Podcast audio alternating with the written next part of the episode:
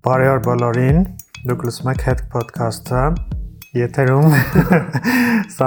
է եւ Արմենը։ Ողջույն, Սամս, բարև հարգելի ունկնդիր։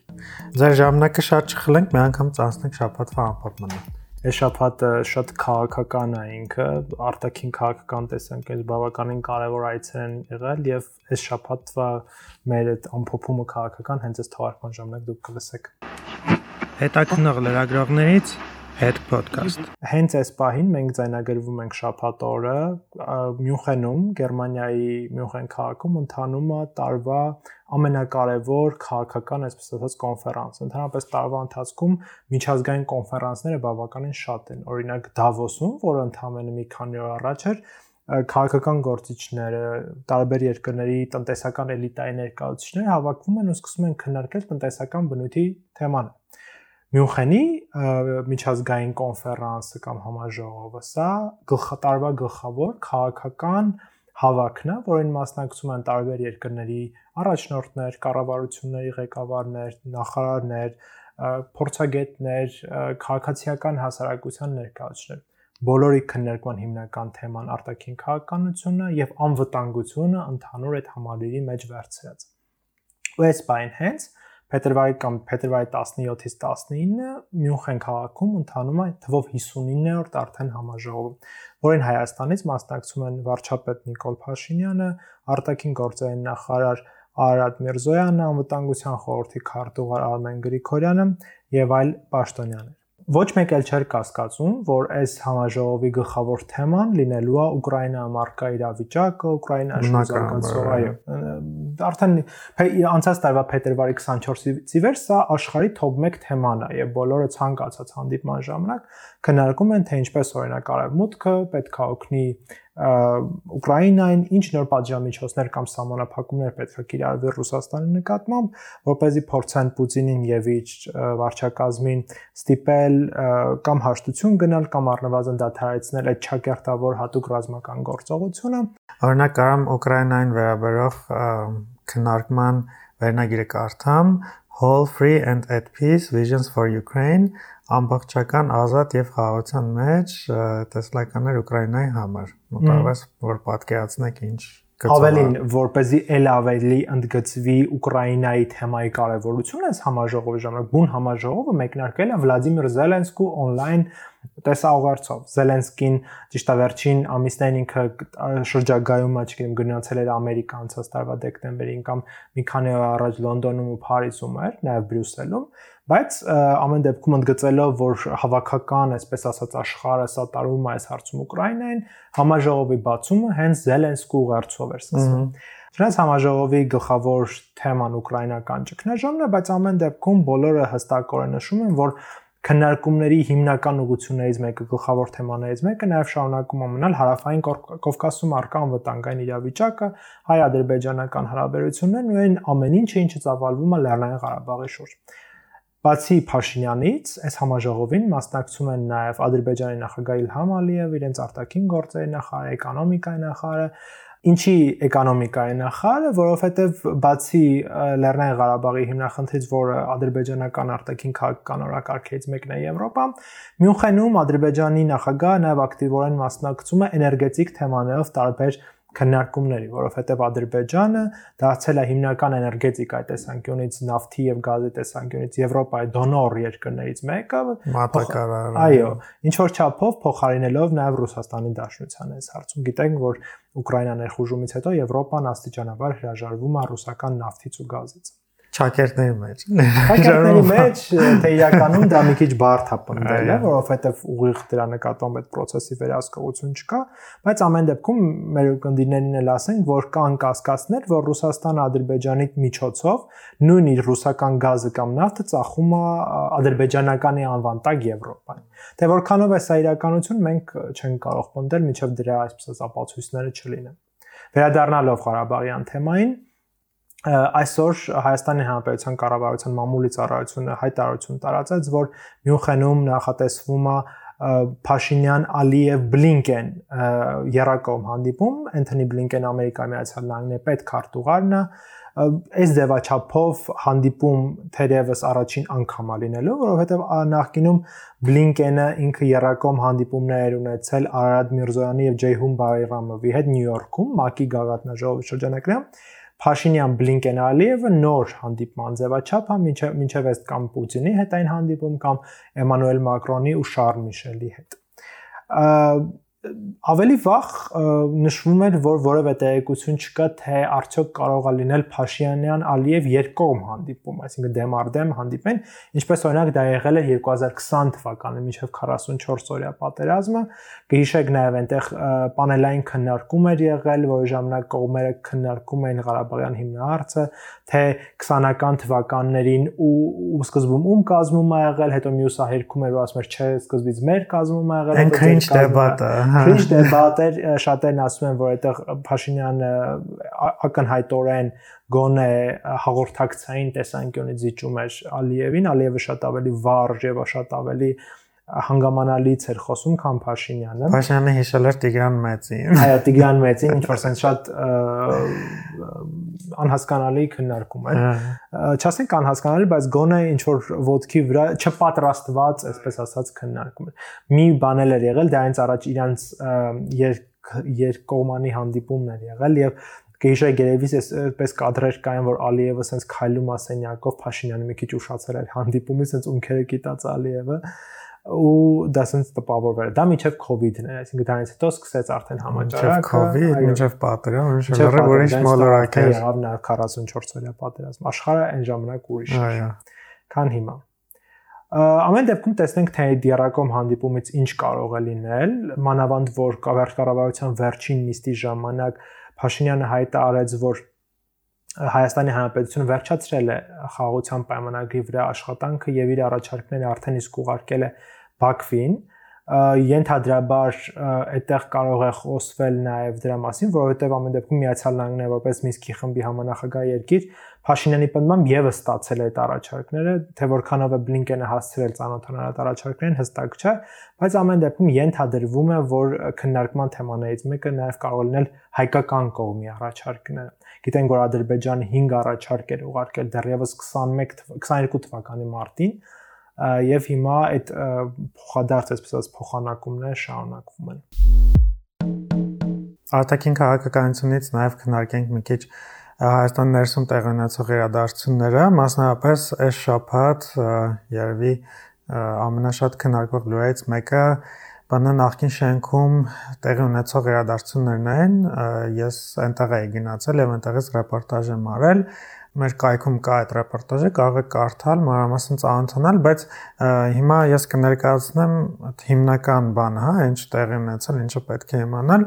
Ուրեմն բանայի նախքին շենքում, որը որ գտնվում է աշտարակի խճուղու վրա, որից որ բանան դուրս է եկել 2008 թվականից հետո, եւ 2008 թվականից մինչև հիմա այդտեղ ոչ մի բան չկար, նույնիսկ այդ շենքի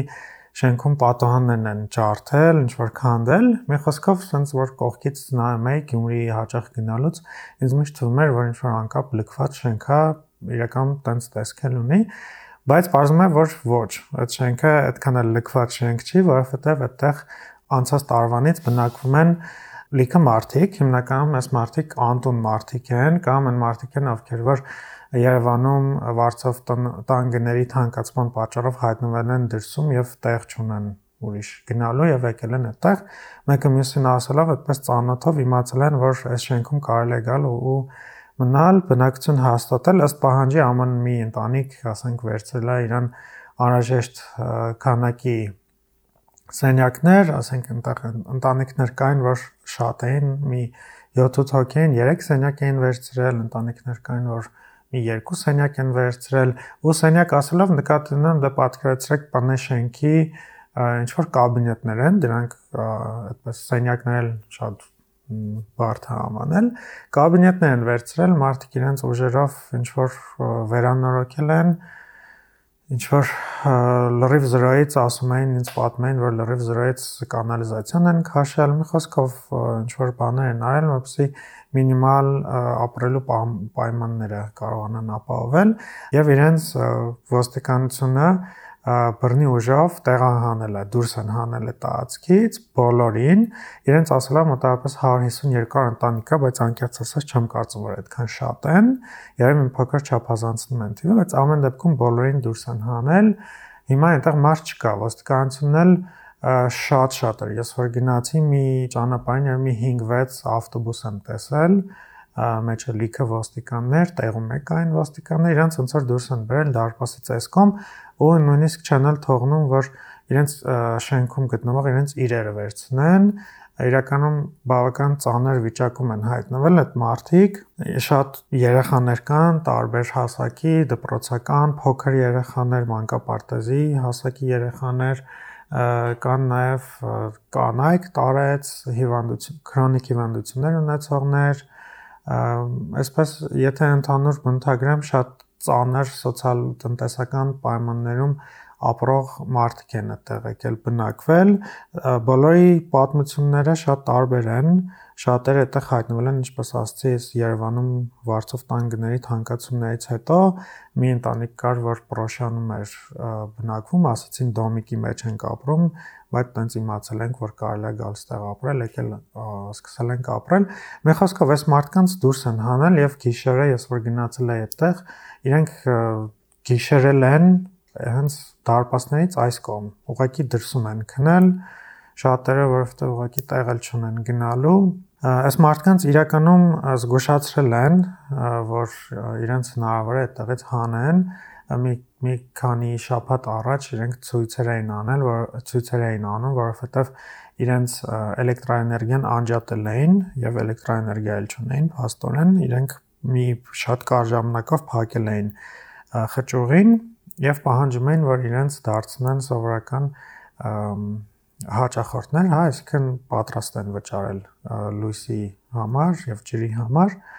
բայց դա տեղի չէր ունեցել, որ ուղղակի անջատել էին էլեկտրոէներգիան եւ ինչի է այս ամեն ինչը արում, որովհետեւ 2022 թվականի ապրիլի 15-ի որոշումով կառավարությունը ՍՊՆ-ի նախկին շենքը ամրացրել է Պեկին եւ այնտեղ շուտով ստեղծվել է արտաքին տնտեսական գործունեության կենտրոն, այսինքն Պեկը կարելի ասել ամբողջովին տեղափոխվել է այդտեղ եւ ոստիկանությունն էլ մեկնաբանելով այդ իրենց գործողությունները ասել են որ մենք չենք ներխուժել, ներխուժումն ենք վերացրել։ Իրականում այս պատմությունը շատ-շատ շերտեր ունի, շատ այսպես ոչ միանշանակ պատմություն է, բայց միանշանակ է որ այդ մարդիկ շատ բարդ իրավիճակում են հայտնվել, շատ ծանր սոցիալ-տնտեսական պայմաններում են ապրում եւ պետական կառույցներն էլ եւս մեկ անգամ ոնց որ ցույց են տալիս, ապացուցում են, որ լավ սոցիալ քաղաքականություն չեն վարում այն տեսանկյունից, որ այդ մարդկանց առանձնապես շատ ալտերնատիվներ չեն թողնում, չեն առաջարկում, այդ մարդիկ էլ ուղակի, չգիտեմ, փողոցում քնելու փոխարեն եկել այդտեղ են մնակվել։ Հələ տեսնենք, պատմությունը կզարգանա, այդ մարդիկ դեռ այդտեղ են, դրսում են, ասում են, որ ուրիշ տեղ չեն գնալու Ես տենց բարբերաբար գնում եմ, այցելում եմ, հետևում եմ զարգացումներին, որտեղ իրոք փոքր երեխաներ կան ու քրոնիկ հիվանդություններ ունեցողներ կան, որ օրինակ երեք մի կին էր վատացել, որ շաքարային դիաբետ ունի, որին որ ինսուլին էր պետք, շտապօգնություն էին կանչել, բայց շտապօգնությունը ինսուլին չէր տվել։ Այսինքն ուղակի չարը հիմնավորել, ասել էր չենք տա։ Այդտենց թողը գնացել էին կարևոր Հա, թեմայը շատ լիքը տարբեր ոլորտներին է վերաբերվում։ Դեռ չխոսանք, հա, բանից, մեր այս հարցի լուծման հնարավոր տարբերակներից, որովհետև մի քիչ շուտ է, բայց միպն էլ այցելեց այդտեղ, ինչ որ արագարձակական խումբ են ուղարկել 2 օր անց։ Դա ինչին է վերում, այն որ մենք միպ չունենք, հա։ Ամեն դեպքում մենք ակտիվ հետևել ենք, ես անձամբ շատ ակտիվ հետևել եմ եւ կարող եք հետևել մեր կայքին, անպայման էլի թարմացումներ կլինեն։ Հետ վերադառնանք արտաքին քաղաքականությանը, եւս մեկ շատ կարևոր այցետերի ունեցել այս շաբաթվա ընթացքում արտաքին գործերի նախարար Արադ Միրզոյանը այցելեց Թուրքիա, հանդիպում ունեցավ Անկարա Թուրքիա արտաքին գործերի նախարար Մevlut Çavuşoğlu'ի հետ, ինչպես նաև այցելեց Ադեյաման քաղաք, որը հայկական աղբյուրներում անգամ պաշտոնական հաղորդագրությունում, չգիտես ինչի նշվում է Ադիյաման, բայց իրականում այդ քաղաքի անունը Ադիյաման է, որովհետև այդ տառը, որ նշվում է, դա թուրքերեն այ-ա կարդացում եւ ոչ թե ի-ա կարդացում, անգամ ԱԳՆ-ներ Ադիյամանով տարածել, ինչը սխալ է եւ այնտեղ հանդիպումներ ա ունեցել հայ փրկարարների հետ, որոնք գիտեք նախորդ շաբաթ գործուղվել էին Թուրքիա, օգնելու փրկելու մարդկանց, ովքեր փետրվարի 6-ի ավերիչ երկրաշարժից հետո մնացել են փնատակների տակ։ Նախ այս ամեն ինչին նախորդեց այն հանգամանքը, որ ավելի քան 35 տարի անց հայ-թուրքական սահմանը բացվեց եւ Մարգարայի հատվածում հայկական բեռնատարները, որոնք հումանիտար օգնություն են տեղափոխում դեպի Թուրքիա, կարողացան ցամաքային ճանապարհով ուղիղ Հայաստանից անցում կատարել դեպի Թուրքիա։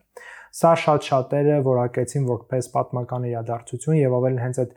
պատմական բառը օգտագործեց Հարավային Կովկասում Եվրոպական միության ներկայացուցիչ Տոյ Վոկլարը իր Twitter-յան միկրոբլոգում նա գրառում էր ավել այդ մասին իսկ հայ-թուրքական հարաբերությունների կարգավորման այդ հանձնաժողովի թուրքական կողմի նախագահ Սերդար Քլիչն էլ շնորհակալություն էր հայտնել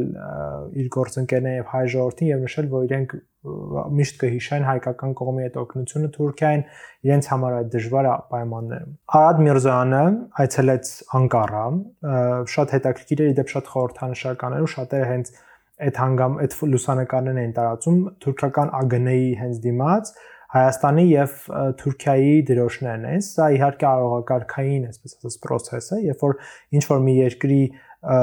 պաշտոնատար անց ժամանում է առնվազն այն պետական գերատեսչության շենքը, որ ընդունող կողմն է, ինքը այդ բանը դրում է։ Հաստատ Երևանում շատերը տեսած կլինեն, որ ինչ ոչ կամ ինչ որ նախագահ է գալիս կամ ինչ որ համաժողով է լինելու, այդ երկրների դրոշները քաղաքներ քաղաքում են ներկայացում։ Թուրքիայի պարագամ դա արտաքին գործերի նախարարության դիմաց է։ Սա որպես այդին կարելի է բնորոշել աշխատանքային այց կամ գոնե ոչ պաշտոնական այց, բայց ամեն դեպքում նման պարագայում միշտ դրոշները դրվում են։ Հանդիպումից հետո կոմեր հանդես եկան նաև մամուլի համար հայտարարությամբ Արադ Միրզյանը հայտարարեց, որ իրենք Չավուշօղլու հետ պայմանավորվել են արագացնել երրորդ երկրների քաղաքացիների համար հայ-թուրքական սահմանով անցնելու հնարավորությունը։ Սա նորից բացատրենք, թե ինչ է նշանակում։ Սա նշանակում է, որ Հայաստանի եւ Թուրքիայի սահմանը բացվում են, բայց դա անցանելի է լինում օրինակ Վրաստանի քաղաքացիների համար կամ Ադրբեջանի, չգիտեմ, քաղաքացիների համար օրինակ իրենք կարող են եւ իրենց անձնագրերով Հայաստանից անցում կատարել դեպի Թուրքիա։ Սա խոսքը այստեղ դեռևս չի վերաբերվում Հայաստանի եւ Թուրքիայի քաղաքացիներին։ Փաստացի մենք այդ սահմանին ունենալու ենք մաքսային կետեր, մաքսակետեր, Ենթադրաբար կողմերը վերանորոգելու են այն ենթակառուցվածքները, որոնք գտնվելու են այդ սահմանների անցակետերում, այսինքն չեմ ճանապարհ կլինի, կամուրջներ կլինեն, թե ինչ ավելին այդ հանդիպման ժամանակ խոսք գնաց անի կամուրջի մասին, հաստատ տեսած կլինեք, ովքեր անիում եղել են կամ հայկական կողմից դեպի անին անին մոտեցել են, կտեսնեն այնտեղ կիսական դերևս Բագրատունիների օրոք կառուցված կամուրջ կա եւ կողմերը որոշել են, որ այս կամուրջը կառուցեն եւ սա ինչ է նշանակում որ այսուհետ օրինակ հայ զբոսաշրջիկները որոնք օրինակ տարբեր տուրիստական ընկերությունների միջոցով գնում էին Արևմտյան Հայաստան միգուցե հնարավորություն ունեն կողմերը պայմանավորում որ միայն անի քաղաք հայ զբոսաշրջիկները կարողանան այցելել առանց, չգիտեմ, գնալու ֆռալու կամ անի սահմաններից դուրս գալու։ Սա զբոսաշրջային զբոսաշրջային տեսանկյունից Թուրքիան շատ ձեռնտու հանգամանք է։ Իմիջիալից ես Twitter-ում տեսել եմ գցել այն նկարը, որ ըստ չեմ հիշում ճարտարապետի անունը, ըստ իրեն ինչ տեսք ուներ այդ կամուրջը, ինքը երահակ կամուրջ է եղել։ Շատ սիրուն կամուրջ Այո, մի հարկը նախատեսված եղել հետիոտնի համար, մի հարկը նախատեսված եղել սայլերով անցնելու համար, եւ մյուս հարկն էլ կարծեմ ամենա ներքևի հարկը նախատեսված է եղել անասունների կենթայիների անցնելու համար։ Ինքը երրահարկ կամուրջ է եղել։ Ինքը Ախուրյանի հատված, Շիրակի մարզի, Շիրակի հատված այդ Խարկով գյուղի հատվածն է, որը դեպի անի այսպես դիմացի ափին է ինքը։ Ստեղ ինձ մի հարց հետաքրքիր, որ կարծես չի քննարկվում, այդ այնա թե եթե սահման բացվի երրորդ երկրի երրորդ երկրի քաղաքացիների համար, այդ որ սահմանապահ ուժերն են վերահսկելու, այսինքն հայկական թե ռուսական, որովհետև գիտենք, որ ամբողջ երկայնքով ռուսական սահմանապահ զորքերն են, ու այդ չի, չի ասվում։ Ես ենթադրում եմ, որ ամեն դեպքում սահմանի վերահսկողության պարտավորությունը կշարունակի իրականացնել ռուսական կողմը, բայց անցակետերում մաքսային ծառայությունը դա կիրականացնի հայկականակ ոնց է Իրանի հետ սահման։ Սահմանին տեղակայված են ռուս սահմանապահներ, բայց մաքսային ֆունկցիան իրականացնում են հայ մաքսավորները մի այլ հանգամանք էլ Արադ Միրզոյանը այցելեց նաև Ադիաման քաղաք, որտեղ հայ փրկարներն են աշխատում։ Հայ փրկարներն արդեն վերադարձել են Հայաստան, իրենց առաքելությունն ավարտել են, իրենց առաքելությունն ավարտել են նաև Սիրիայում գործող հայկական փրկար ծառայությունը, որը ավելի վաղ է վերադարձել Հայաստան։ Սա իդեպ արտաքին գործերի նախարարի պաշտոնում Արադ Միրզյանի երկրորդ այցն էր Թուրքիա, առաջին այցը կհիշեք տեղի ունեցել 22 թվականի մարտին Անտալիայի դիվանագիտական ֆորումին էր մասնակցում Արադ Միրզոյանը եւ այդտեղ ինքը ոչ պաշտոնական հանդիպում էր ունեցել էլի Մևլութ Չավուշօղլուի հետ սա նրանց արդեն երկրորդ հանդիպումն է ու այս տարի իդեպ շատ չխոսվեց դրա մասին բայց Անտալիայի դիվանագիտական համաժողովը որի թվով երրորդն է լինելու ու անցարկացում միշտ մարտ ամսին հետաձգվել է չի լինելու կապված իհարկե երկրաշարժի եւ դրա հետևանքների հետ եւ պլանավորվում է, որ